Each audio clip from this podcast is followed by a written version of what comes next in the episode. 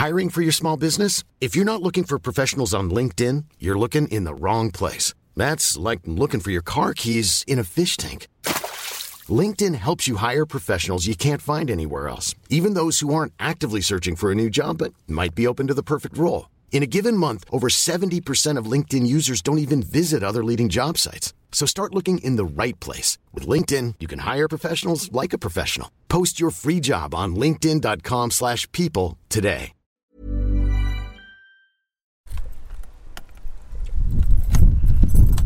Det slags hus du åpner nå, Helge?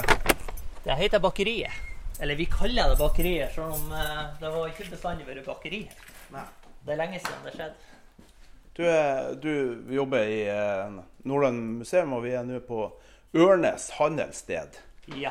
Og hva eh, har, har det vært et handelssted? Selvfølgelig har det det, men er det lenge siden det var handelssted her? Ja, det er altså Handelsstedshistorikken det er jo 1800-tallhistorie. Og de faller jo egentlig fra rundt overgangen til 1900. Så da er det jo egentlig ikke et handelssted i den form lenger. Men eh, det går over til å være noe litt annet. Så det, de opprettholder sin status i lokalsamfunnet, eh, men går mer over til skipsfart. Her i Meløy i hvert fall. Mens andre steder så forsvinner de jo helt. Kjerringøy f.eks. Det var jo 1899. Da begynte jeg å gå bare Ja. Ble det stilt. Det var det Bodø som ble Ja, gradvis. Ja. Det er jo en litt sånn artig greie med historien der. det er at Bodø, når eh, Han som starta opp på Kjerringøy, det var vel han eh, Stolinius, var det ikke det? Bernhoft. Eller var det en annen kar? Nei, det var en annen kar.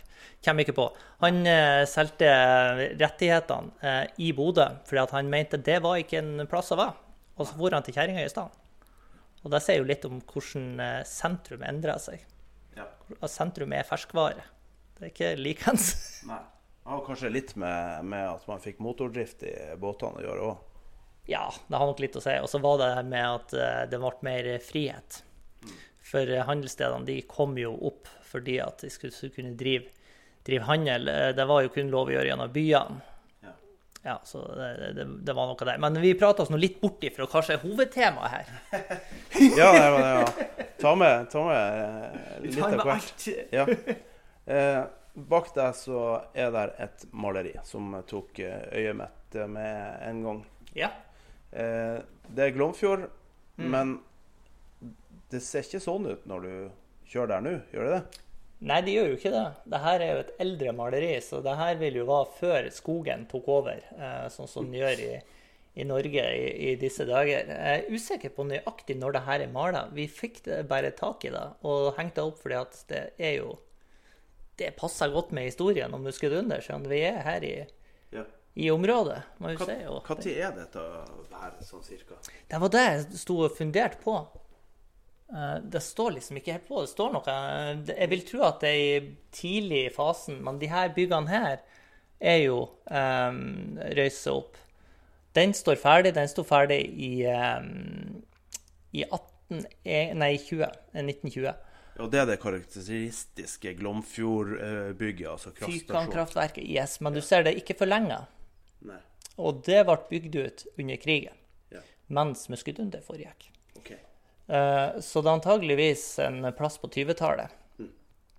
Men her er, det er jo veldig fin arkitektur, både selve bygget og husene som ligger rundt. Eh, hvem var det som, som bygde det her? Det ser ikke så veldig norskt ut. Altså det, det her eh, kraftverket var jo bygd med svenske midler. Eh, samme var jo egentlig Haukvik òg, men det gikk jo konkurs. da. Og det er jo en litt sånn snedig greie, for at eh, den, den norske stat i dag er jo ikke så kjempegira på å investere store summer i Nord-Norge. Eh, men når de gikk inn for å kjøpe kraftverket der, så gikk de inn med 15 millioner kroner. Og det høres jo ikke så mye ut, men du må jo regne om til dagens valuta. Og det utgjør 15 milliarder i dag. Um, Nei, 75 milliarder. 75 milliarder? 75 milliarder vil det ha gjort i dag. Ja. Hvis du sammenligner det med statsbudsjett, som er naturlig, liksom prosenter av statsbudsjett. Ja. Og i tillegg så gikk de jo inn med 2,4 for å kjøpe Haukvik, som var fabrikken oppe på um, som dere ser bildet her. Ja. eh, Oppe, oppe i Glomfjord. Og der vil du jo sette på toppen der, så antageligvis så vil det ha vært eh, den her Polarbanen.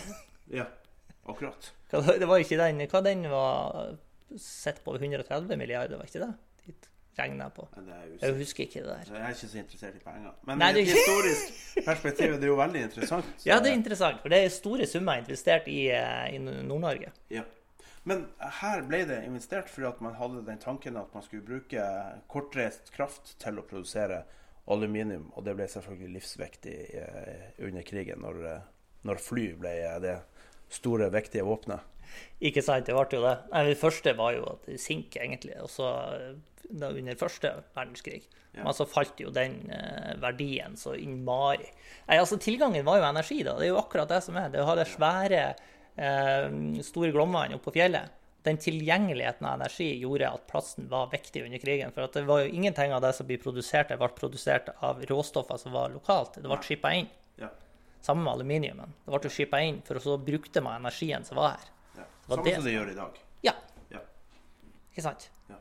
Så rett og slett det som var store trekkplastre.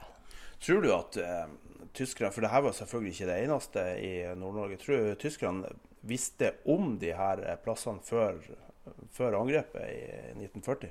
Jeg tror de hadde god, ganske grei peiling på det. Vi vet jo at etter 24 så eh, fikk de jo problemer med Da, da gikk jo eh, det her sinkproduksjonen ad unna, så de fikk ikke til. Så da begynte de å søke etter andre som kunne produsere andre ting. Og mm. da strakk de ut tentaklene i hele Europa, ikke sant? Ja. Så det var nok, de hadde nok ganske grei peiling på hva som lå her, ja. ja. Det, tror jeg. Kan ha vært eh, utslagsgivende, alle de her fantastiske fruktene som lå i Nord-Norge? Det var en deilig tanke for en krigsnasjon å kunne ha, ha det området her helt for seg sjøl? Ja, altså Tilgangen på råstoffer og sånt, det var jo en av hovedgrunnene til at tyskerne tok Norge. Den is, store isfrie sant? hele kysten opp igjennom. Mm. Og så har du tilgangen på jernmalm via Narvik til fra Sverige. Og så har du også her med produksjon av aluminium, så var det starta opp. De starta jo rett etter okkupasjonen å oppgradere noe voldsomt. Skulle bygge ut eh, mer produksjon enn det de hadde for krigen. Og ja, det var absolutt et trekkplaster. Var det noe dramatikk når de, når de kom? Kom de hit i 40 allerede, eller? Ja, de kom i 40. Eh, men eh, dramatikk og dramatikk Jeg har prøvd å liksom nøste litt opp i det der. Men jeg har ikke funnet ut at det var så mye sånne typiske eh, dramatiske hendelser akkurat under selve okkupasjonen. Altså Nei. under inntoget. Jeg tror de kom ganske greit vandrende inn. Ja. For de bare arresterer meg hvis det er feil. For en Gestapo? Ja. ja. Men uh, Og så uh, marsjerte de rett inn i uh, inn, inn, innerst i Glomfjorden og fikk tatt over drifta der. For det var ikke skader under noe bombing eller noe sånt? Nei, det var jo ikke noe flyangrep mot I hvert fall ikke under Fra tysk side. Britene bomba jo Glomfjord i 41. Okay. Um, for å Det var første forsøket på å sette deg ut. Ja. Traff de? Uh, ja, altså de traff ikke oppe Hvis vi ser her på bildet, her, så er det fint, for de traff på fjellsida her. Ja. Så da traff de jo ikke der. Men de prøvde også å treffe uh, Haukvik, ja, fabrikken. Og det bomma de også. Uh, men det var to arbeidere som mista livet. Um, de holdt på å jobbe med en uh, lukk, og så ble de jo truffet, da. Men det, årsaken til at de bomma, var jo at de brukte sånne Albacore-fly. Eh, som er egentlig med sånt eh, air to eh, vessel radar-system som er laga for å treffe eh, skip. Okay. Så de har en ganske god rekkevidde på en 50 eh, km, mener jeg. Men når du kommer innenfor 1,5 km, så må du bruke øynene. Og da er det jo selvfølgelig litt vanskelig på natterstid, for det har vi gjort i september. Jeg tror det var 15. 12.-15. Eh, september i 41. Ja. Da er det mørkt, veldig mørkt på natta. Og du skal da prøve å treffe og se ut av vinduet. Det, ja, de bomma, rett og slett. Ja, riktig. Og etter det så bygde de opp eh, antiluftskyts på Setvikvågan, inngangspartiet til Glomfjorden. Eller ikke helt ytterste fjorden, men til selve tettstedet Glomfjorden. Ja, akkurat. Så, og eh, så de kom ganske kjapt i gang da med, med å ta over eh, produksjonen. og og Når begynner man å tenke på denne operasjonen Muskedunder? Var det noen lokale med, fra området her som, som for over til England, og som vil hjem og, og, og stoppe tyskeren? Nei, det var nok ikke noen som var lokalt herifra, i Meløy. Men uh, han ene, han hovedkjentmannen deres, han, uh, han Granlund, han hadde jo vært her. Han, fra, han var fra Bodø? Ja, det var han vel fra. Han hadde jo også vært på Frostfilet og gjort litt hærverk der før han for til England òg. Hva er det for noe frostfilet? Det var en sånn fabrikk som produserte eh, mat under, under krigen. da. Eh, han hadde også vært Så vidt jeg vet, så var han med i, eh, i kampene i Narvik òg. Ok. Og muligens noe i de vinterkrigene som var mellom Sovjetunionen og, eh, Finland. og Finland. Ja. Han var en aktiv gutt. Ja. sies. Han hadde jobba på eh, jernbanen i eh, Saltdalen i forkant av krigen. Da. Så han var kjent i området. Ja. Han var deres kjentmann. Ja. Men når begynte de å planlegge? Og, og var det norske myndigheter som planla dette, eller var det engelske myndigheter? Eller hvem, hvem planla Muskedunder?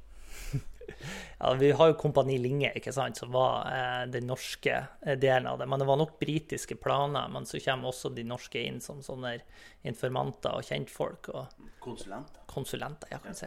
Han var jo med som kjentmann da, han Granlund. Eh, han kunne jo ikke engelsk, så det var jo litt utfordrende. Men han andre nordmannen eh, kunne jo da engelsk og var atskillig mer eh, likt av britene. Eh, Granlund var ikke likt. Hvor- Hvorfor likte Bare for at han ikke kunne eh, engelsk, eller? Nei, altså De skriver jo noen ting i de, her, eh, i de her papirene, at han var en UNRWA-lurer og hadde ikke lyst til å være med på trening og forskjellige ting. Men man kan jo prøve å lese litt imellom linjene at han var ikke spesielt glad i de der autoritære eh, skikkelsene. Som okay. aristokrater, ikke sant, som britene er veldig sånn opptatt av. Hvis han hadde godtatt eh, sånn type framferd, så hadde han kanskje ikke ført den til, til England fra utgangspunktet. Han bare godtok å bli okkupert. Han var nok en sånn type, ser jeg for meg Som ikke lot seg likte å bli styrt. Så han gjorde, gikk nok sine egne veier, tror jeg. Men, men eh, de, de etterlot seg jo ganske mye eh, dokumentasjon, de, de engelske, da. Eh, som òg den her eh, dokumentarfilmen med de to norske soldatene som går i de her sporene etter. Er det Fins det annen type eh, historiske spor som man kan bruke i ja, sånn som når du har laga utstillinger her, eller- er det, har man sin fulle tillit til det engelskmenn har skrevet? Mm, Nei, altså Vi bruker jo mye av de kildene, men det er jo også en del tyske papirer som vi bruker. Rapporter etter angrepene og sånne ting. Hvor fant man de henne? Nei, akkurat hvor, vi, Jeg vet hvor vi fant igjen, men Hvor fant du de henne? jeg fant i en perm på kontoret fra min forgjenger som hadde Wow. vært i eh, Royal Archives i England Okay. og funnet. Ja. Um, så De tyske også? ja, de var også samla i hop der. Okay. Da var de jo selvfølgelig skrevet på tysk. da. Ja. Så det er dokumenter som er også skrevet da ut av lokale De som var, var sjef på de, de norske arbeiderne som jobba her òg, da. Okay. Så det er også vitneforklaringer fra folk som ble, eh, møtte de her soldatene underveis. Ja. Så det er mye forskjellige plasser man henter kildene, og så prøver man å samle i hop og finne en slags gylden middelvei som man luker ut potensielle feilaktigheter. ja. For det, det er det du som historiker eh, helst vil gjøre. Det er jo det vi skal gjøre. Men eh, du, her har du fått laga ei fantastisk eh, utstilling her. eh, i dette. Det er ett rom som er Det er to rom, men er vet du, jeg skal ta og lukke igjen den døra her først. Ja. Den gamle bygningen de trekker jo som bare juling. Yes, eh, Det er to, eh, to rom. Eh, Primært her, som vi har litt om selve aksjonen, mens der inne er litt det som skjer etter aksjonen. Ok. Eh, For det er jo litt sånn etterspill òg. Ja. Ettermæle. Men kan du, eh, kan du dra oss gjennom historien? Dra oss gjennom. Begynn litt enkelt. Ja, Vi prata jo om det bombeangrepet. Så det kan jo ses på som første forsøk på å sette stopper for eh, angrepet. Og etter det så fikk de jo bygd opp eh, antiluftskyts. Og det er jo klart, da går det ikke an å sende mer bombefly.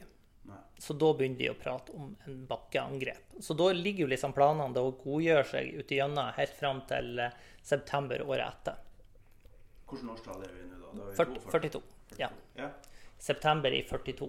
Så de går om bord i ubåten Juno 11. september. Men, men hvor, hvor, hvor, de her folkene, hvor, hvor er det de Har de bare samla sammen? Er det helt random folk de har? Det, Eller? det er frivillige som melder seg. Uh, så de engelske òg? ja, det er ni briter, Uh, to nordmenn, og så er det en fra Canada.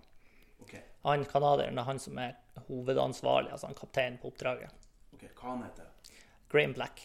Graham Black. Veldig bra kommandosoldatnavn. Ja, det er Jeg har bilder av de her karene her inne, le- lenger inni her. OK.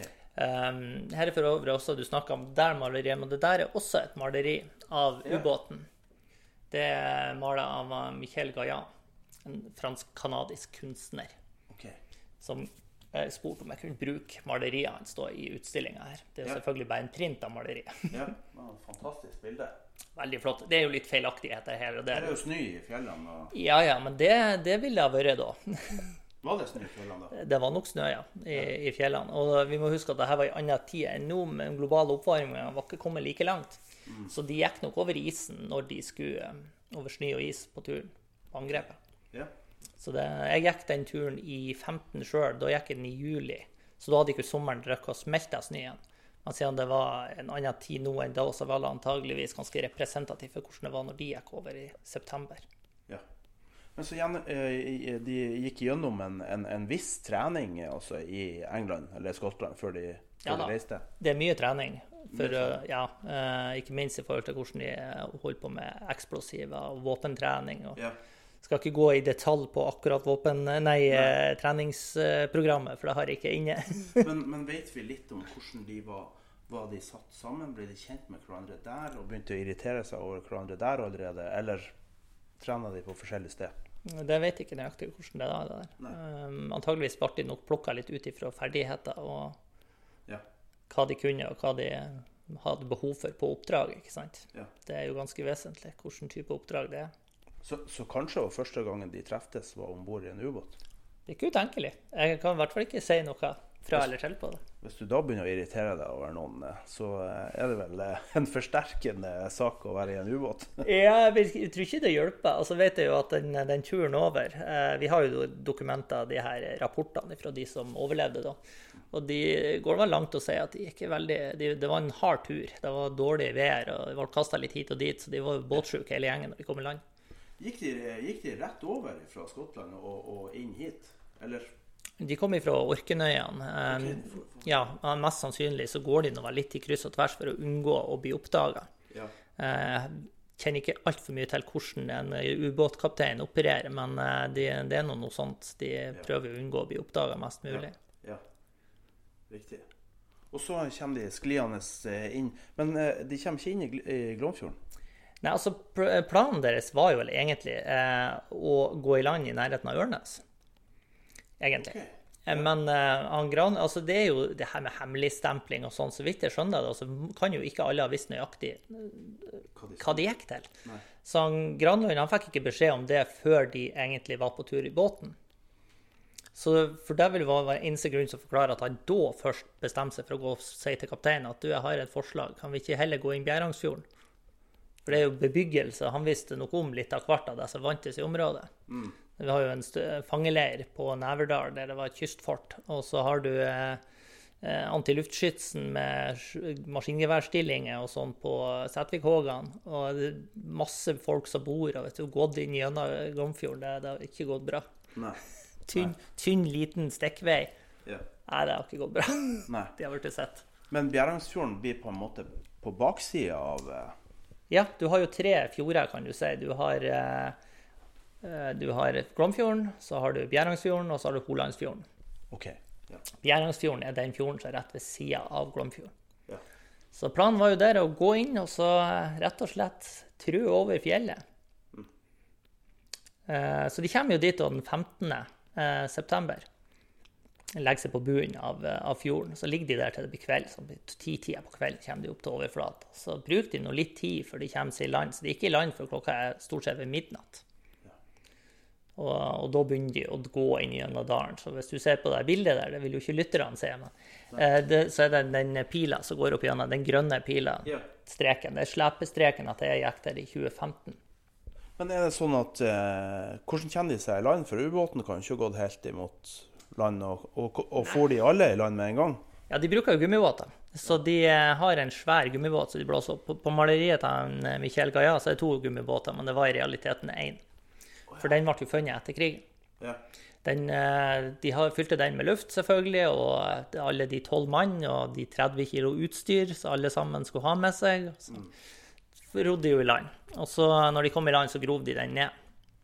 Så beste lot seg gjøre. Altså, de rota det noe litt overdekket ja. til. Og så 14 eh, dager senere så kom det faktisk noen og fant den, men det er nå ei anna historie. Den ble brukt som badeflåte faktisk etter krigen. Oh, ja. ja da, ungdommen bada med, med den. Ja. Men den ble nå uh, huka inn av den norske stat, og det var det siste de så den. Vi vet ikke hvor den er. Muligens uh, sist jeg hørte en uh, ting den kanskje kunne være, det var i anlegg 96. Det er et sånt lagerbygg som Forsvaret har i, i Bodø. En sånn atomsikker hangar. Ja. Men jeg vet ikke. Nei, ok. Ja, men i hvert fall, de, de kommer seg i land, eh, gjemmer båten, og så, og så, begynner de å, å gå. Og, og, og, hvor langt er det nå da for å komme seg over til Glomfjorden? Ja, altså Kilometer og meter det skal ikke jeg ikke meg ut på, men det, det, er veldig lang, det er en utrolig lang dal. det der. Mm. Så du går lenge før det hele tatt begynner å gå oppover. Og når det går oppover, så går det rett oppover. Du går ikke på fjellet, du kryper på fjellet. Egentlig. På alle fire opp igjennom. Så det, det, er ikke lent å gå. Det er det ikke. Hadde de utstyr til dette? Ja, altså det er ikke mer utseende at du kan egentlig du kunne ha gått opp der som du er kledd nå. Det er bare at det har ikke vært veldig koselig. I hvert fall ikke med 30 kilo utstyr på ryggen. Da det er litt ulent. Men de, og det var sprengstoff de hadde? Ja, blant annet. Det er klart, De har jo våpen òg. Det veier jo ammunisjon, det er tungt. De har måttet ha klær, mat. Alt de trengte. Det her var jo dypt bak fiendens linjer. Ja. På en helt utesta måte å drive krig på. Kommandosoldater er jo i dag noe vi har kjennskap til, men det fantes jo ikke da. Det var noe nytt britene eh, dekket opp. For krig det har jo eksistert så lenge mennesker har eksistert. En liten påstand, men det er noe mest sannsynlig. Og det har jo utvikla seg med strategier og våpenteknologi, men eh, grunn, eh, grunnideen har alltid vært den samme. Vi møtes på en gressplen, eller på en område. Så har vi mennestyrker her og denne der, ikke sant? og så bare smeller vi de i hop, og så ser vi hvem som har sterkest og best utstyr. Mm. Så altså, den som har best soldater, best våpen, og alt, de, de vinner. Ja. Men eh, nå fikk jo eh, britene en liten utfordring, for de kjempa mot eh, tyskerne. Og i dag, dersom du skal ha en, en skikkelig bra bil, hva du kjøper du da? Ja, det er ofte det. Ja. Så kjøper du deg enten en Mercedes eller en Audi eller en BMW. ikke sant? Ja. Så, så de vet jo at utstyret til tyskerne det er, det er ofte veldig bra. Mm. Så hvordan skal vi gjøre det her? så istedenfor å prøve å få bedre utstyr, så prøver de å sørge for at tyskerne får dårligere med å sabotere deres. Ja. Rett og slett. Så det er jo sabotører. Ja. Derav ordet på den tegneserien som jeg nevnte innledningsvis i stad. Ja. Sabotører. Så de ønsker rett og slett å sabotere. Eh, for hvis du hindrer eh, produksjon av strøm i Glomfjord, så kan de ikke smelte aluminium oppe i Glomfjord.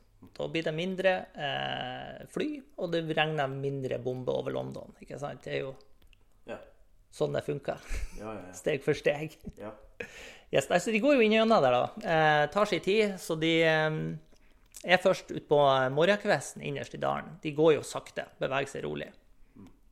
Eller på natterstid. altså over natta. Det ingen som har sett dem til nå? Eh, nei, altså de mener det skal være noen som har oppdaga dem. Det var muligens en fisker som de holdt på å skremme livet av når de kom opp. Mm.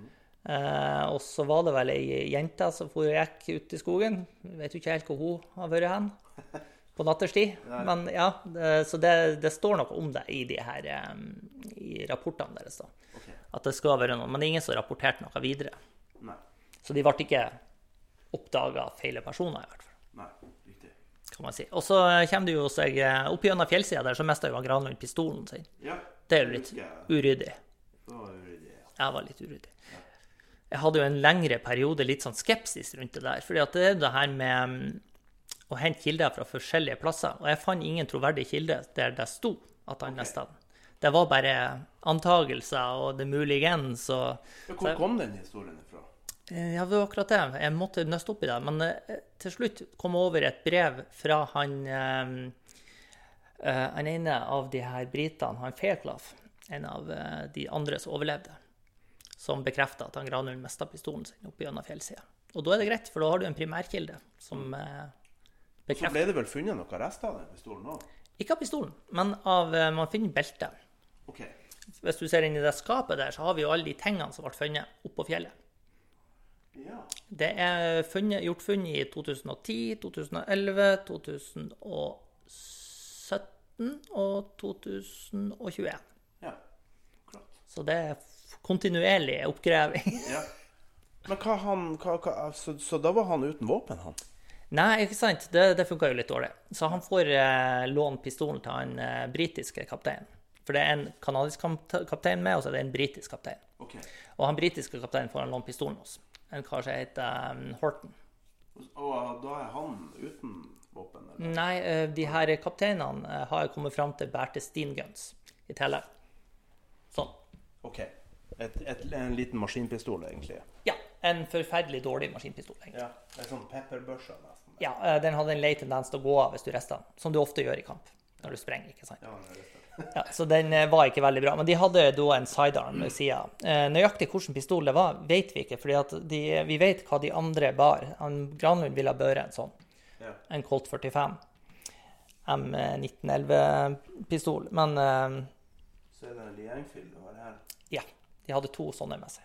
Okay. Og hvem som bar de, litt usikker på, men mest sannsynlig ville det kanskje vært de som var um, trent for å drive på med sånn våpen. Han ene var jo en såkalt rifleman. Og da vil det vel være sannsynlig at han var en rifle. En av de to som var med.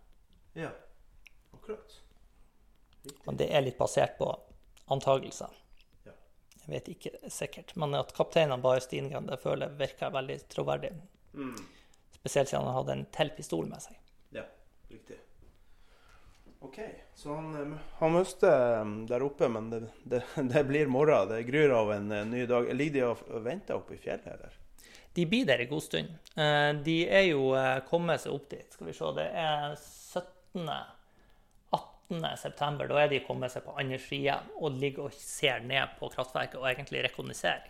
Følger med litt og ser hvordan vaktskiftet er. Og, for det er jo gjort en del eh, arbeid i forkant, men det er klart det begrenser hvor mye du kan se på et bilde. Du må være der for å se. Så da ligger de der og ser og tenker og funderer når det er best å angripe. og til slutt så De har ikke med seg kamera? Nei, de hadde ikke med seg noe kamera. De hadde med seg kikkert. Ja. Der hadde jeg. Okay. Uh, nei, jeg har ikke noe kjennskap til noe kamera. skal ha vært med. Så da finner de ut at 20.9. Da, da skal de gå til angrep. Og da er klokka eh, åtte på kvelden. Hvor lenge har de ligget der oppe, da? To døgn. To, okay. Ja, noe sånt. Ja. Og så er det jo eh, brukt de ganske lang tid ned gjennom fjellsida. De bruker faktisk en, en tre timer. Eh, men sjøl hvis man går der i dag, så vil man merke at det er ikke så veldig rart, for det er vanskelig å gå ned der. Men, de, men går de på rørledningen? Eh, nei, det blir på andre sida.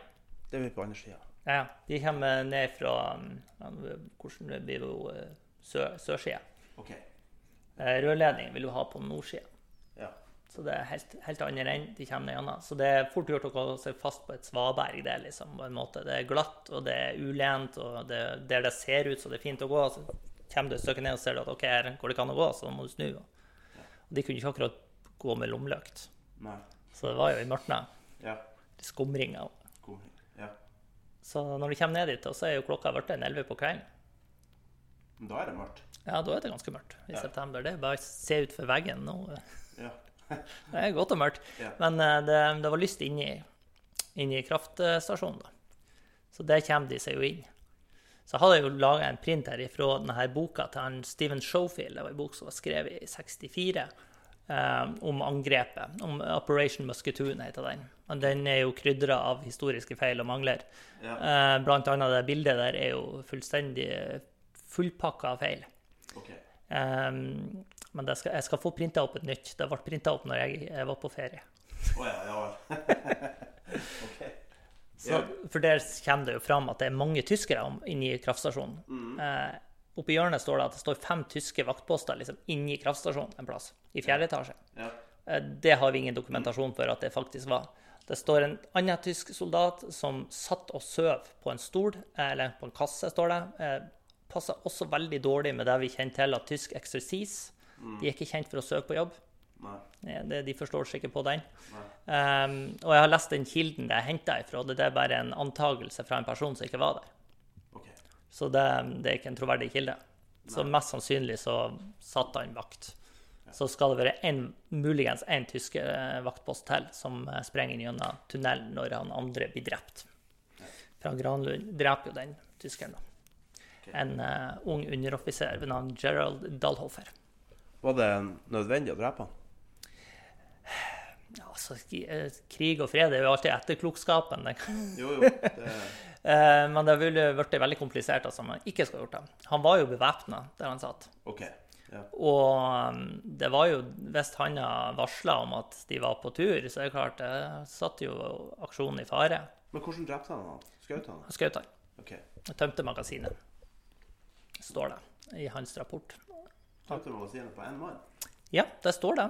At han, eh, måten jeg leste ut ifra, var at det sto Han har skrevet, eller det ble skrevet, at han har sagt at uh, etter han hadde drept han, så skifta han magasin.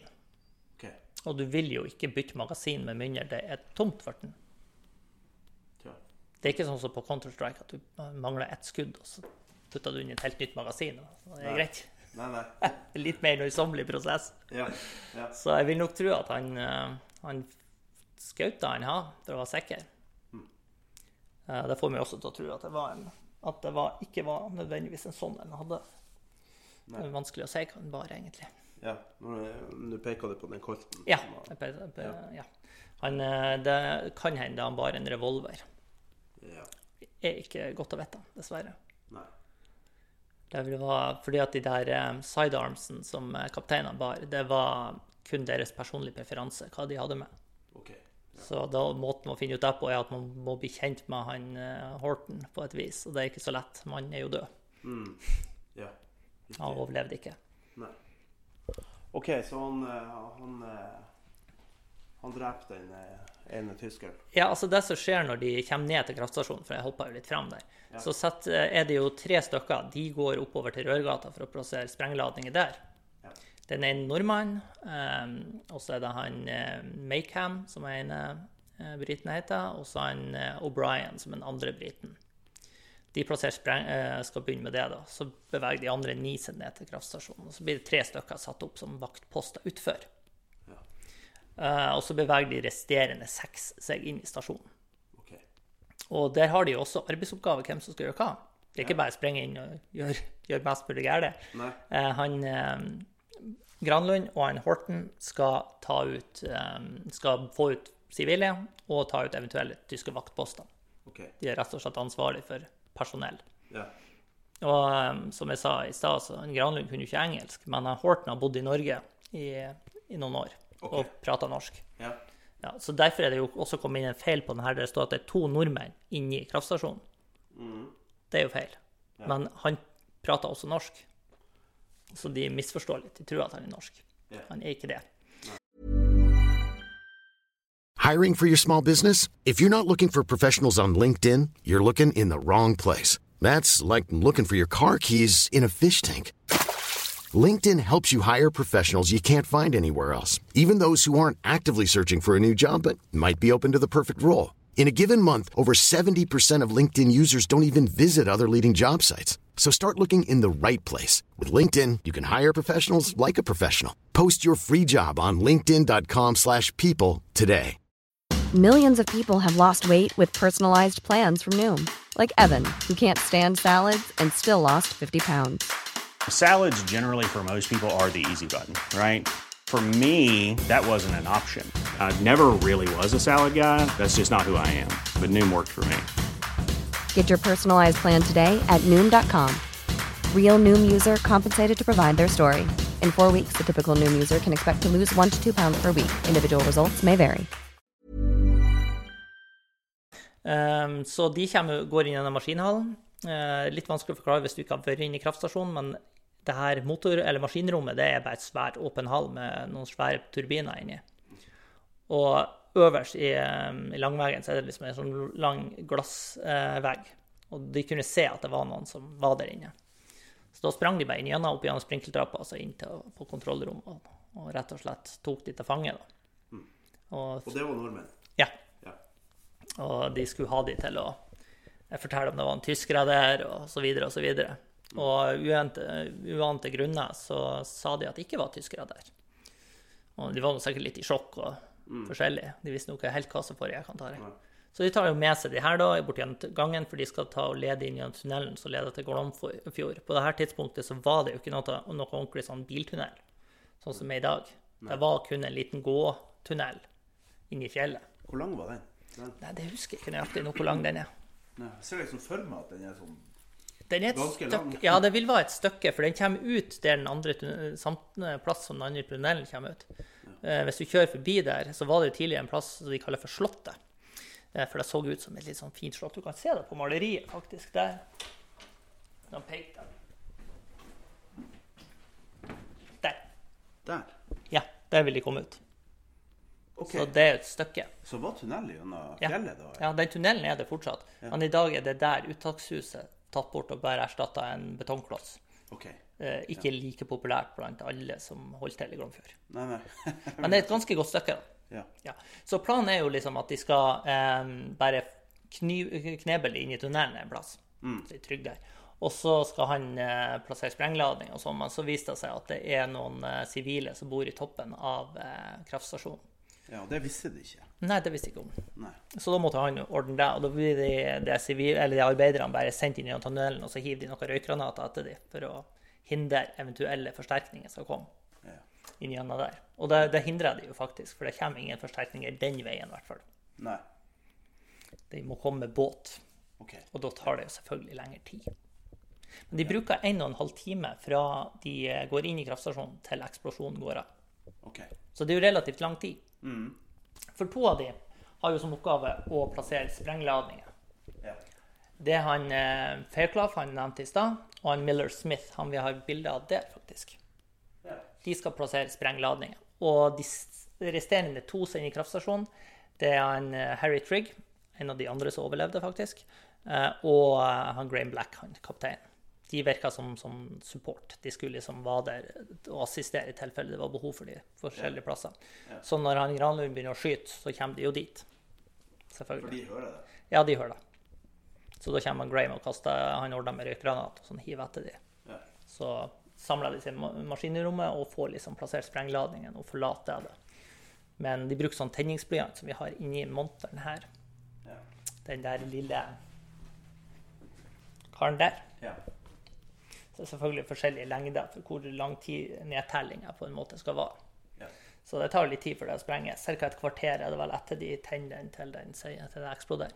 Men eh, så nå har de festa på Rørgata, og så har de festa på to, to generatorer. På tre. De har festa på alle tre generatorene. Alle tre, men det er bare to som går av, for den siste er en såkalt død.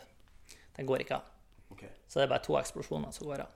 Ja. Inni maskinrommet. Og oppi Rørgata, det skjer etterpå. For det er klart, det er ikke så lurt å sprenge av det samtidig så de er der nede. Nei. For da blir det store åpninger i røra. Ja. Og det som skjer da, er at alt innholdet kommer susende gjennom fjellsida. Og så vannet. Ja, alt vannet. Ja. Men inni, den der, eh, inni de der rørene så skal det egentlig være en stoppventil. Som eh, når det meste av trykket, i, eh, trykket forsvinner i røret, så skal den lukke seg. Sånn at i tilfelle det er en lekkasje, så får du ikke masse vann overalt. Ja. Men den er av noen grunner vi ikke vet, tatt ut. Vi vet ikke hvorfor. Det kan være i forbindelse med oppbygginga eller uh, utbygginga, mener jeg. Ja. Men i hvert fall, den er ikke der. Så når eh, de litt seinere, ca. et kvarter etter den første, de første eksplosjonene der, de setter av de andre, ikke sant, Ja. så um, kommer jo svære vannmengder ned gjennom fjellsida. Begrav hele sulamitten i store mengder jord og, gjørme, rett og slett. Ja. Det gjør egentlig de største skadene. Men er det noen folk igjen inne i bygget? Ikke da, nei. Nei. Da har de fått alle ut. Okay. Så de eneste som mista livet i sjølve det angrepet, var han Josef Dalhofer. Nei, Gerald. Gerald Dahlhofer. Tyske, tysk, Ja. En tysk underoffiser. Men det var en tysker til? De tror det. Ja. Men eh, kildene er litt sånn eh, skurrete der. Så jeg vet ikke nøyaktig. Mest sannsynlig var det en til, og han vil nå da Han var kanskje inni røra, inni den der gata, når det begynte å skyte, så kan det godt hende at han anså det som en god idé og varsel. Ja. Så han sprenger da i retning av Glomfjord. ja. Men det er ikke rart at det var så dårlig bevokta? Du kan så si, men det er jo langt bak fiendens linjer. Ja. Og de har jo antiluftskyts stående. De så ikke for seg at det skulle komme eh, fotsoldater sprengende inn. Dette var jo før kommandosoldat var en greie, ikke sant? Så dette er det, er det første raidet? Nei, altså det er ikke det aller første, men det er liksom veldig tidlig. Ja. Sånn at det, det er ikke noe de har kjennskap til. Det er ikke noe en del av den vanlige rutinen og i, i trening og sånne ting. Og hvis du ser på den Atlanterhavsmuren, det var mye som ikke var sånn kjempeforsvart. Altså. Det er store områder ja, ja, det er svært. og begrensa med ressurser. Men hvor de fer han nå? Fer de samla tropp, eller deler de seg opp, eller hva gjør de? Skal vi se. Da er vi kommet dit. Skal vi se. For her er vi nå kommet. Ja, Nå ser vi på et stort kart, en sånn roll-up. En roll-up, yes. Og her er ei, ei rød pil, og så er det ei, ei grønn. Hva er de to forskjellige fargene? Fryktelig fargerikt, det kartet mitt. Yeah. yes. Nei, altså, det er De samler seg etter eksplosjonen der. Okay. Eh, men det, er, det røde og den grønne pila eh, symboliserer de forskjellige planene om tilbaketrekning. Mm. For det var ingen eksakt plan om hvordan de skulle trekke seg tilbake. Det var noe de bare fant ut på slutten, på en måte, rett før de gikk til angrep. Mm. Det var tre grunnideer. Enten skulle de komme sjøfly og hente dem, eller så skulle de kapre seg en fiskebåt og dra ned til Ranfjorden og dra over fjellet der. Eller så skulle de bare stikke til Sverige med en gang. Eh, og sjøflyet sier seg jo sjøl en dårlig idé med en antiluftskytskanon stående rett på sida. Ja. Eh, båt nedover til eh, Ranfjorden. Du måtte liksom ha føren ut igjennom langt med robåt for å komme deg noen vei. Ja. Så da faller jo planen om å fære til Sverige med en gang. Og han Granlund han mener at den beste ruta er å sprenge opp gjennom Rørgata. Ja. For da vil du komme deg fort opp på fjellet. Mm. Relativt fort. Og så er det jo tre trappetrinn, sånn at du vil ikke etterlate deg eh, fotspor. Nei. Det regner mye den der dagen, sånn at det ville vært gjørme som bare hjuler inn borti her. Mm. Det var jo ikke akkurat asfaltert. Nei. Så, men eh, Og masse jordmasser og greier? Ja, altså jordmassene her, de vil jo være ned gjennom her. Ja. De har kommet ned gjennom der, så her var det nok ikke noe sånn påvirka av eksplosjonen. Nei, ok. Men eh, det, det, ville uansett ha vært ganske lett å se at her hadde sprengt tolv mann. Eller mm. mange mann, i hvert fall. Ja. Eh, så, så, derfor eh, endte de Ville han ikke gjøre det, men det var ikke alle kommandosoldatene som kunne klatre i fjell. Det var bare han eh, Granlund og O'Brien og så en til, tror jeg, som kunne egentlig det. Så I dag når man ser for en kommandosoldat, så er det gjerne sånne Hollywood-film-kommandosoldater. Arnold Schwarzenegger-stil, men sånn, sånn, så de ikke ut. Nei. De var litt mer på min høyde og kanskje litt tynnere. Mer spinkel. Ja, sånn som meg. Ja, sånn. Ja. Helt sånn. Ja. Ikke sant. Så de ikke så, var ikke sånn svære bulderbuldere sånn sett. Det var litt små og snåpe karer. Eh, så, um, men likevel, så valget falt nå her, da. På den grønne pila. Okay. Og det er når de kommer hit han, Granlund er jo den som leder an. Ja. Han blir også fremstilt som ei fjellgeit. Han er veldig liten, lett og snåp. Men hva er den fjorden her? Ja, det her det er liksom litt sånn uheldig, for jeg hadde jo printa opp det her. det er så. Ja. Og jeg syns det var fint med å ha et ekte bilde.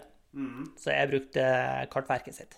Ja. Men ekte bilder har jo den lille mm, skyggeeffekten, da. Så mye av det her vi ser her, er jo fjell. Ja, og så er det vannet her. Her går vannet. OK, så de er oppe i Glom, Glomvatnet? Ja, nei, det her er Fykanvannet. Fykanvannet? Det er Fykanvannet. Så det er rett ved sida av Fykanvatnet de sprenger. Ok, Men, men hvor, er det, hvor, hvor, er det, vanninntaket til Altså, Hvor er det Rørgata starta? Det står, står jo langt oppe på fjellet. Så den er liksom oppi gjennom her, og så går rørene videre. Oh, ja, okay. Så um, rørene går jo litt annen plass. Du har jo også helt opp til um, Store Glomvann, som er enda lenger opp. Så er det noe som kobler opp mot Nedre Narvatn òg. Okay. Så, så, dette, så, men det er et ferskvann de kommer ja, til? Ja, ja, det er okay. ferskvann. Ja, da. Det er et ja. godt stykke, det er 100 meter over havet. Og, og alle tolv er fortsatt med? Ja da, alle tolv er med. Ja. Og uh, de begynner å sprenge bort gjennom her. Han Granlund sprenger først, og tydeligvis er han Horten og han eh, Djupdrett, den andre nordmannen, like bak der igjen. Så han Granlund han kommer opp hit, og her blir han litt forvirra. Da er han på dette området her, så har bildet her. Fordi at planen er å finne den der hengebrua som leder opp til den trappa som var veldig populær, som man ikke har lov til å gå lenger. Okay. Den der um, Rallarmarsbrua Nei, trappetrinnene. Uh, 1130 trappetrinn ca. Ja. Yes. Uh, den ble så veldig populær at den får man ikke lov til å gå lenger, for det er ikke trygt. Mm. I hvert fall. Skulle, de skulle finne den, eh, men han fant ikke den. Så han eh, går heller inn i den der arbeidsbrakka. Og det er jo der det virkelig skjærer seg for dem. Eh, for det, ja, det, skjer ganske mye der, kan man si. Ja. Fra Granlund kommer først inn. Han holder for det første på å skremme livet av kokka som sover på et eget soverom her. Han stryker seg forbi husveggen, og så kikker hun ut, og da kommer han jo ikke sant, svartmalt i ansiktet og ganske vill i øynene. Han har akkurat drept en mann. Ja. Klart, Han var jo erfaren, men han er fortsatt, det, det, er ikke noe som er naturlig for et menneske å gjøre. Nei. Så han var nok i litt sånn adrenalinfull tilstand.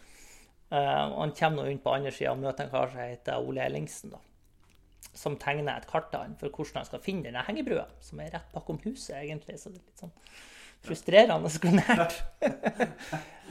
Men han får i hvert fall det kartet, ikke sant? så forlater han den, og så begynner han å lete. Mm. Og mens han går rundt og leter der, så kommer han, eh, han Horten og han Djupdrett og ser på kartet i lag med han, og de prøver å finne ut av det der.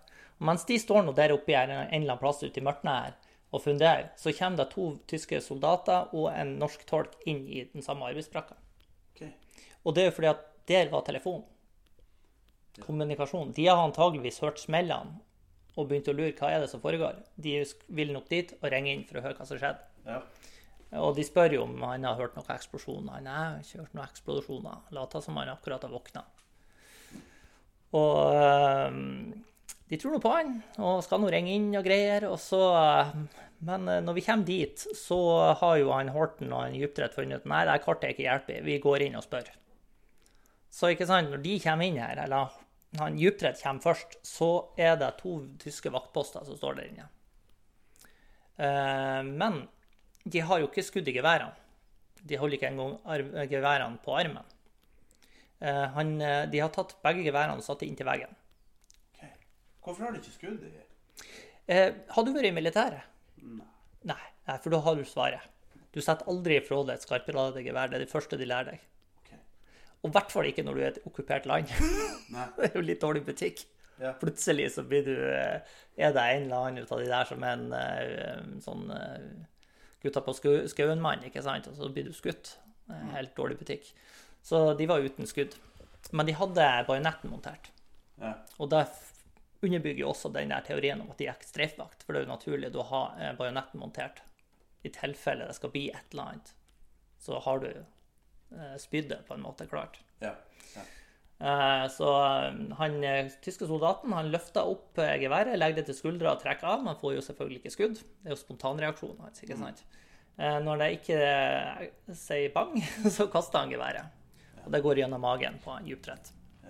Så mye at det stikker ut på andre sida. Så det er ganske heftige greier. Og han eh, Horten kommer rett bak, og han Horten og han eh, andre tyske soldaten da, de ender opp med å ligge og slåss på kjøkkengulvet. Okay. Med steamgun imellom seg. Ja. Så der får vi også en bekreftelse på at han, Horten bar steamgun. Mm. Og som jeg nevnte, steamgun har en lei tendens til å gå av når du rister den. Ja. Det gjorde den jo. Okay. Rett som det var. Så jeg ser for meg kokka hun ble ikke mindre redd. Hun ligger på soverommet, og kulen begynner å fly gjennom veggene. Ja. De andre soldater, noen andre soldater kommer til og får drøga han Horten, nei, han Djupdrett ut. Graham Black kommer inn, legger seg på gulvet og prøver å liksom se hva som skjer. Og han ser en skikkelse inne på soverommet som sitter i senga. Og retter jo stingun, eller pistolen han bruker. Han retter i hvert fall våpenet sitt dit og trekker. Mm. Uh, men det er jo Ole Ellingsen. Så kula drar visstnok bare rett som på sida av hodet på han. Okay. Og han gestikulerer og peker og styrer hvor den andre tyske soldaten er, at han står og gjemmer seg bak ovnen, eller hva det var. Så um, det skjer litt forskjellig der som er litt sånn eh, grått, hva som egentlig foregår, sekund for sekund. Ja. Eh, men eh, det som slutter med, i hvert fall at han ene tyske soldaten blir drept, eh, og han andre blir slått ut. Og så forlater jo de her eh, kommandosoldatene brakka. Mm. Og de andre strekene blå og grønne, eh, nei, og lyseblå, det er de ja. som forteller den historien. Okay. Eh, for blå, det er han Granlund og fem, eh, fire andre tyskere, nei, tyskere, briter, som han tar med seg opp gjennom her. Okay. Eh, men eh, han får ikke med seg hele gjengen hele veien.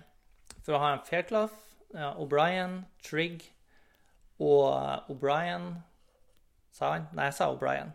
Det siste er han um, Smith, Miller Smith. Men Miller Smith han bærer eh, morfin. Okay. Så når han er kommet et stykke opp igjennom, så blir han kalt tilbake for å sette morfinsprøyta i en djuptrett som er blitt skada. Men har de kommunikasjon på noe vis? Jeg tror den er veldig sånn i rop og veiving okay. og styring. Ja. Eh, de, de, har ikke noe utover det. Nei. Så de kommer nå ned dit igjen, og de venter en liten stund oppi der. Men når han, kommer, når han ikke kommer tilbake, så bestemmer de seg for å bare fortsette opp igjennom. For det er uansett i planen at de skal splitte seg litt opp for å unngå å bli ja, det er mindre mistenksom hvis du ser fire stykker fære på fjellet, enn hvis du ser tolv mm. fære og går i, i nær ja. proximity. Men i hvert fall, han, eh, Han blir jo for skada for å fortsette dyptrett, så han blir igjen der. Mens de andre syv går opp gjennom her og setter seg fast i fjellsida. Og der blir de innhenta en sånn 50 tyske soldater. Okay. Eh, for de har jo, det er greit, de har med seg skytevåpen, men de har ikke så mye ammunisjon med seg. Det er noen hundre skudd totalt. Blir det trefning? Eh, det er ingen som Altså, han Horton bærer um, armen i fatle seinere. Så han blir skada. Om det er akkurat da, vet jeg ikke. Men det, det, er noe, de gjør noe sitt for å forsvare seg. Men mm. det, det går ikke. Nei. Overmakten blir for stor. Ja. Syv mot uh, 50. Det, det, ja. det, går ikke. Nei. Og de har jo også da levd ute i skogen eh, eller ute i fjellet noen dager. Mm. Så de kunne jo ha vært i litt bedre form sånn sett. De er nok litt sløve og litt trøtte. Ja, ja. Vil være naturlig. Ja. Så de blir da arrestert og um, tas uh, inn til Glomfjord. Ferden går nå videre sørover, uh, enn uh, etter hvert opp i i Koltitz. Eh, der er de over lengre tid, før de blir tatt til Berlin, og avhørt, sendt videre til Sachsenhausen, og der mister de livet. De. Det er de første som blir drept som følge av um, kommandoordre. Ja. Var det noe med at de, at de, at de ble lura? At de ble, skulle tro at de skulle bli eh, målt høyde på? At de ble ja, det sies jo det. At eh, de bare ble fortalt at de skulle bare måles høyde og, og, og, vekt på. Og um, Man kan jo si at det er en grusom ting å gjøre, men altså på en måte så er det jo en Frykten for å dø er jo ikke koselig. Mm. Så sånn sett at du bare, det blir bare svart, det er noe vel bedre enn at du skal kjenne på frykten rett før det skjer. Ja, ja. Sånn sett. Nei, Grain Black er vel den første som mista livet. Den første av de, og den første da, som mista livet som følge av kommandoordren, som blir en sånn eh, kommando, eh, eh, dom, eh, Hva man skal si um, Det blir jo en veldig trasig greie. for altså Alle kommandosoldater er jo ikke regna som soldater i Det... i Hitlers øyne. Ja. Det er sabotører og kriminelle, så de skal ikke behandles som soldater. og Derfor mister de mange av de rettighetene mm. som en, en, soldat skal ha. Det er jo ja. lover i krig, selv om det ikke bestandig virker sånn. Nei. Men han, hva skjer med han Djupdrett? Um, jo, han blir jo da frakta til sykehuset i Bodø. Okay. Ja, uh, han har jo et stort sår i magen. Men han prater ikke norsk. Han prater engelsk hele veien. Og det er jo for at de skal ikke vise at de er norske. Oh, det. det. er en liten tanke. Men det er, det er noe som, er, som, skurrer veldig der. Uh, for de skal ikke vise at de er norske. Mm. Granlund kan ikke engelsk, så der i seg sjøl har vi litt problemer. Ehm, han, eh, de går også under sånne uh, kodenavn. Han Granlund er, er Christensen, og han uh, Djuptvedt er Høgvold. Okay. Men hvis du ikke vil vise at du er norsk, ja. Så kaller du det Christensen. Det er veldig norsk. Og Høgvold. Og Høgvold. Ø-en er en ganske norsk bokstav. Ja, ja. Og det blir enda mer snodig når du vet at Høgvold var etternavnet til faren til Djuptvedt. For han var eh, satt bort altså På den tida så var det jo litt sånn at ikke uvanlig dersom eh, familien fikk dårlig råd, at noen unger flytta til noen andre. Mm. Ble brødfødd her. Ja. Og han flytta til onkelen sin, eh, så, altså han som var gift med tanta, da, som heter Djupdrett. Og bodde der, da. Så at han skulle ta navnet til faren, som også er navnet til brødrene Broren til han Djupdrett han mista jo også livet under krigen. Helge Høgvold heter han. Han dør i, eh, i Sachsenhausen, han òg, faktisk. Og det er ikke så langt unna samme tidspunkt som han Djupdrett dør i Bodø. Ja, Var det en annen aksjon, eller? Nei, han hadde bare rett og slett uh, erta på seg en hirde og ble litt uenig. Og ja. Så dør han av difteri. Altså, ja, så det, det, er litt andre ja. årsaker til det. Men ja. Men uh, vi, vi har to mann igjen. Ja, hvilken mann er det du tenker på nå? Nei, er det ikke de bare tatt eh, ti, ti som er blitt tatt? Det er jo eh, åtte som er blitt tatt nå. Du har han, det er åtte, det er åtte ja. Okay. Så, yes, så vi har fjellsida? Vi har fire? Ja, vi har fire. Okay. Okay. Ja, det var, så det er fortsatt håp? det er fortsatt håp, ja. For ja. sju stykker sitter oppi der og tatt. Ja. Djupdrett der, så er vi på sju. Åtte. Og så skal vi se, Det var det andre rommet vi prata om. Ja. Her er for øvrig bilder av dem. Her er alle, ja. Eh, til venstre så har du de som eh, ikke blir tatt til fange. De til høyre de som blir tatt til fange og sendt til syvende og sist Koltids, ja. eller Saksenhausen. Og her har du jo han som dør, ikke sant? Han dypdrett. Ja. Og de andre fire her, det er de som kommer seg til Sverige. Du eh, Altså, gjennomsnittsalderen er jo 22 eh, år her.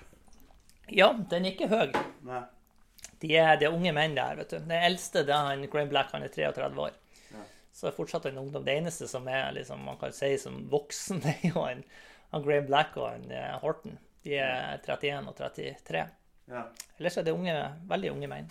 Og der har han fått på seg fatle. Ja. Det er et bilde jeg har tatt i, uh, i Coltitz. Okay. Så han har blitt skada på et tidspunkt uten at jeg vet nøyaktig når. Ja. Muligens i det basketaket på gulvet, ikke sant. Han lå jo tross alt og brøt med en steamgun og en svær tysker over seg. Ja. Så det skje, kunne jo skje forskjellig der. Ja. Men her, er, her har vi kart over veien til Sverige. Her har jeg illustrert det med svenske flagget der borte. Ja. Yes, Og her er det også veldig fargerikt.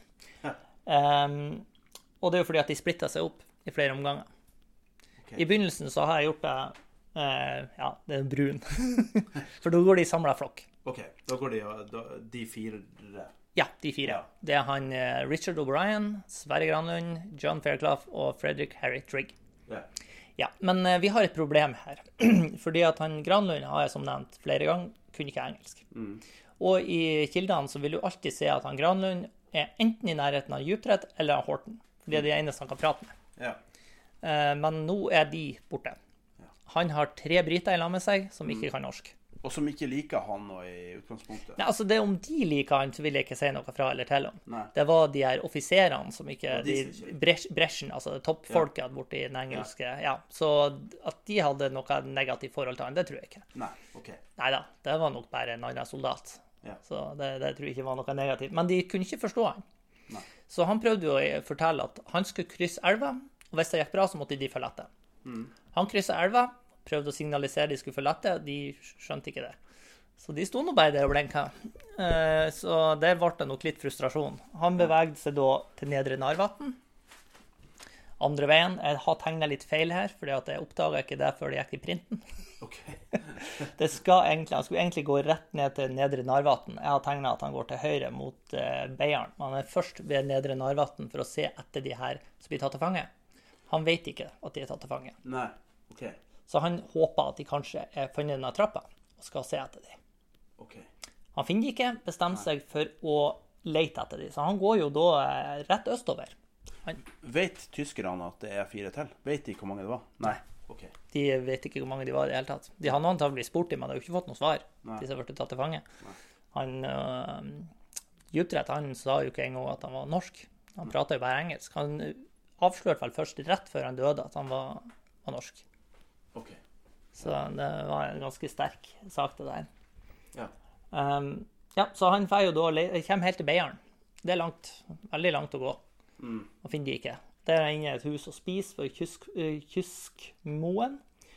Og der, da er klokka kommet sånn til to-tida på dagen. Så da hadde vi vært og sprunget en del. Fra klokka åtte på kvelden oppe til to på dagen Ja, dagen etter. ja, ja. Og da begynner jo eh, tyske kampfly å lete etter de på fjellet. For da vet de at det er flere? Nei, men de mistenker jo at det er flere. Okay, Ja. Så de leter. Uh, han ser de, uh, og i rapporten til de andre så har de sett de òg. Han snur og begynner å gå tilbake til de, men eh, før han kommer seg ned dit, så har de fortsatt. Så da er det jo tre briter da, som er bak fiendens linjer, ukjent landskap. De har ikke mat eller utstyr lenger, for å ditche alt. Eh, han eh, Granlund tok det siste ordentlige kartet. Han var jo kjent med han, så han bar jo kartet. Ja. Så de hadde jo egentlig bare noen små silkekart som er veldig vanskelig å, manu å, å finne fram på. ja. Men de hadde kompass. OK. Og det er jo klart, Sverige vet de jo, det er øst for Norge. Så det er jo bare å gå østover. Ja. Så går det bra. Ja. Så de har jo gjort det, da. Helt til de kommer opp i en dal her. Og det, i Laukslett, der går de inn. Men da har O'Brien begynt å bli så dårlig at han eh, Han trodde ikke han skulle klare det. Han eh, trodde ikke han skulle overleve. Så han meldte seg frivillig til å gå inn i det huset. Hvis de var tyskvennlige, så skulle han bare angi seg sjøl. OK, greit, ta meg. Hvis de var engelskvennlige, så skulle han spørre om mat. Og de var nå heldigvis engelskvennlige, da, så de får noe hjelp. Og de videre opp gjennom her. Men når vi kommer til den lille firkanten her, Ja. så gir han O'Brien opp, for da mister han kompasset. Og okay. føler jo på mye skyld og greier, så- og mener at han, de andre skal ikke miste livet pga. han, så han sier han skal rekognosere, men han går og gjemmer seg. og håper at de skal fortsette uten han. Noe de motvillig til slutt gjør, og går eh, østover. Eh, men hvis vi tar, går tilbake til han Granlund, da, så er jo den der gule streken. Han har en liten overnatting her, i ei turisthytte som faktisk går an å leie. Okay. Jeg kommer ikke på hva hun heter, men hun ligger nå der. og så drar han nordover, og så får han sin første rast der, i Saltdalen. Yeah. Da har han gått 22 mil på to dager. Fy faen. Um, ja. lang, lang marsj. Yeah. Uh, og ifølge han sjøl så kryssa han grensa til Sverige dagen etter. Men uh, de som uh, husa han, jo, har jo blitt intervjua. Ja. Og de mener han var der i flere dager. Okay. Og mest sannsynlig, hvis man har sett den der Den tolvte mann mm. ja, Det begynner jo han Bålsrud å rote litt med dagene. Ja. ja. Så jeg tror egentlig at det samme skjedde med Granlund. At han steinsøvna, rett og slett.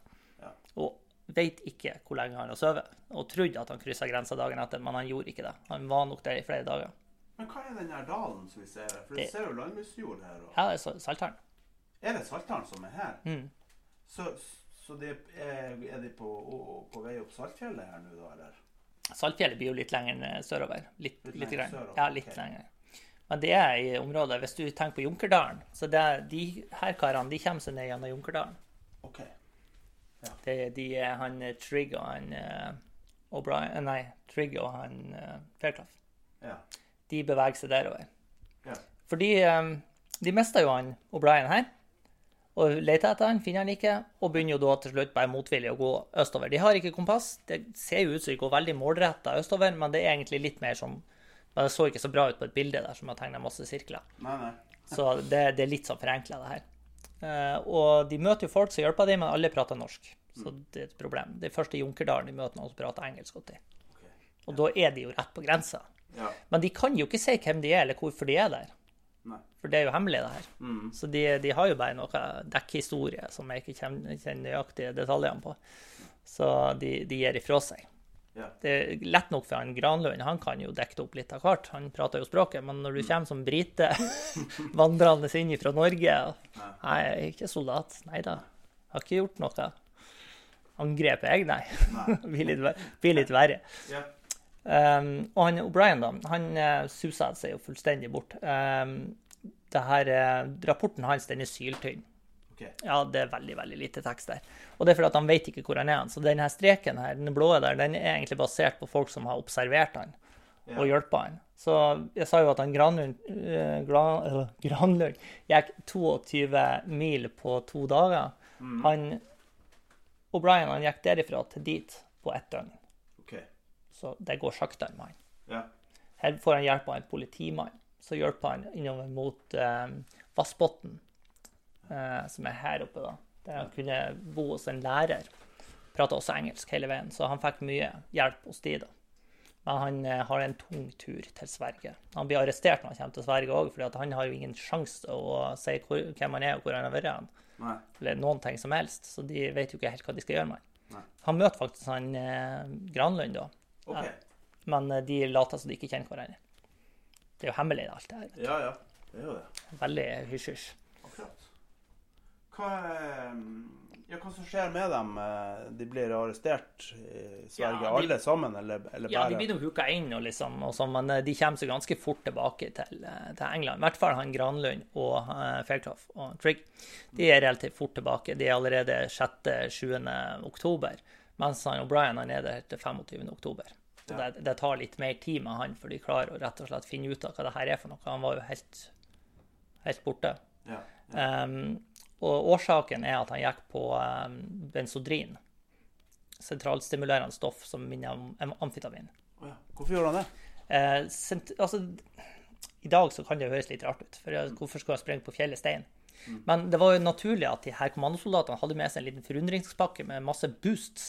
Hvis man spiller TV-spill i dag, så har man av og til boosts man kan få. for, å få eh, for å øke eh, Eh, kapasiteten du har i kroppen. ikke sant? Sånn som tyskerne hadde amfetamin? Ja, ja, de, de, hadde jo det. De hadde jo også kokain som de brukte. forskjellig. Ja. Altså, Det var masse sånne stoffer som de bruker. Morfin er jo også et ganske farlig stoff, egentlig. Det er bare at vi bruker det på en hensiktsmessig måte, men du kan veldig fort bli avhengig av det. Mm. Så det er jo ikke bra, det heller. Men det er selvfølgelig, det, det, er ikke sunt med amfetamin, men det er veldig mye mer usunt å dø. Ja. ja. Så derfor så, så, så man litt mer av fingrene på det. Så mest sannsynlig gikk de alle sammen på det.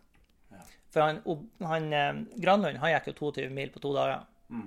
Og så var han veldig sånn rar når han møter forskjellige folk. Ja. De, de syns han virka litt pussig.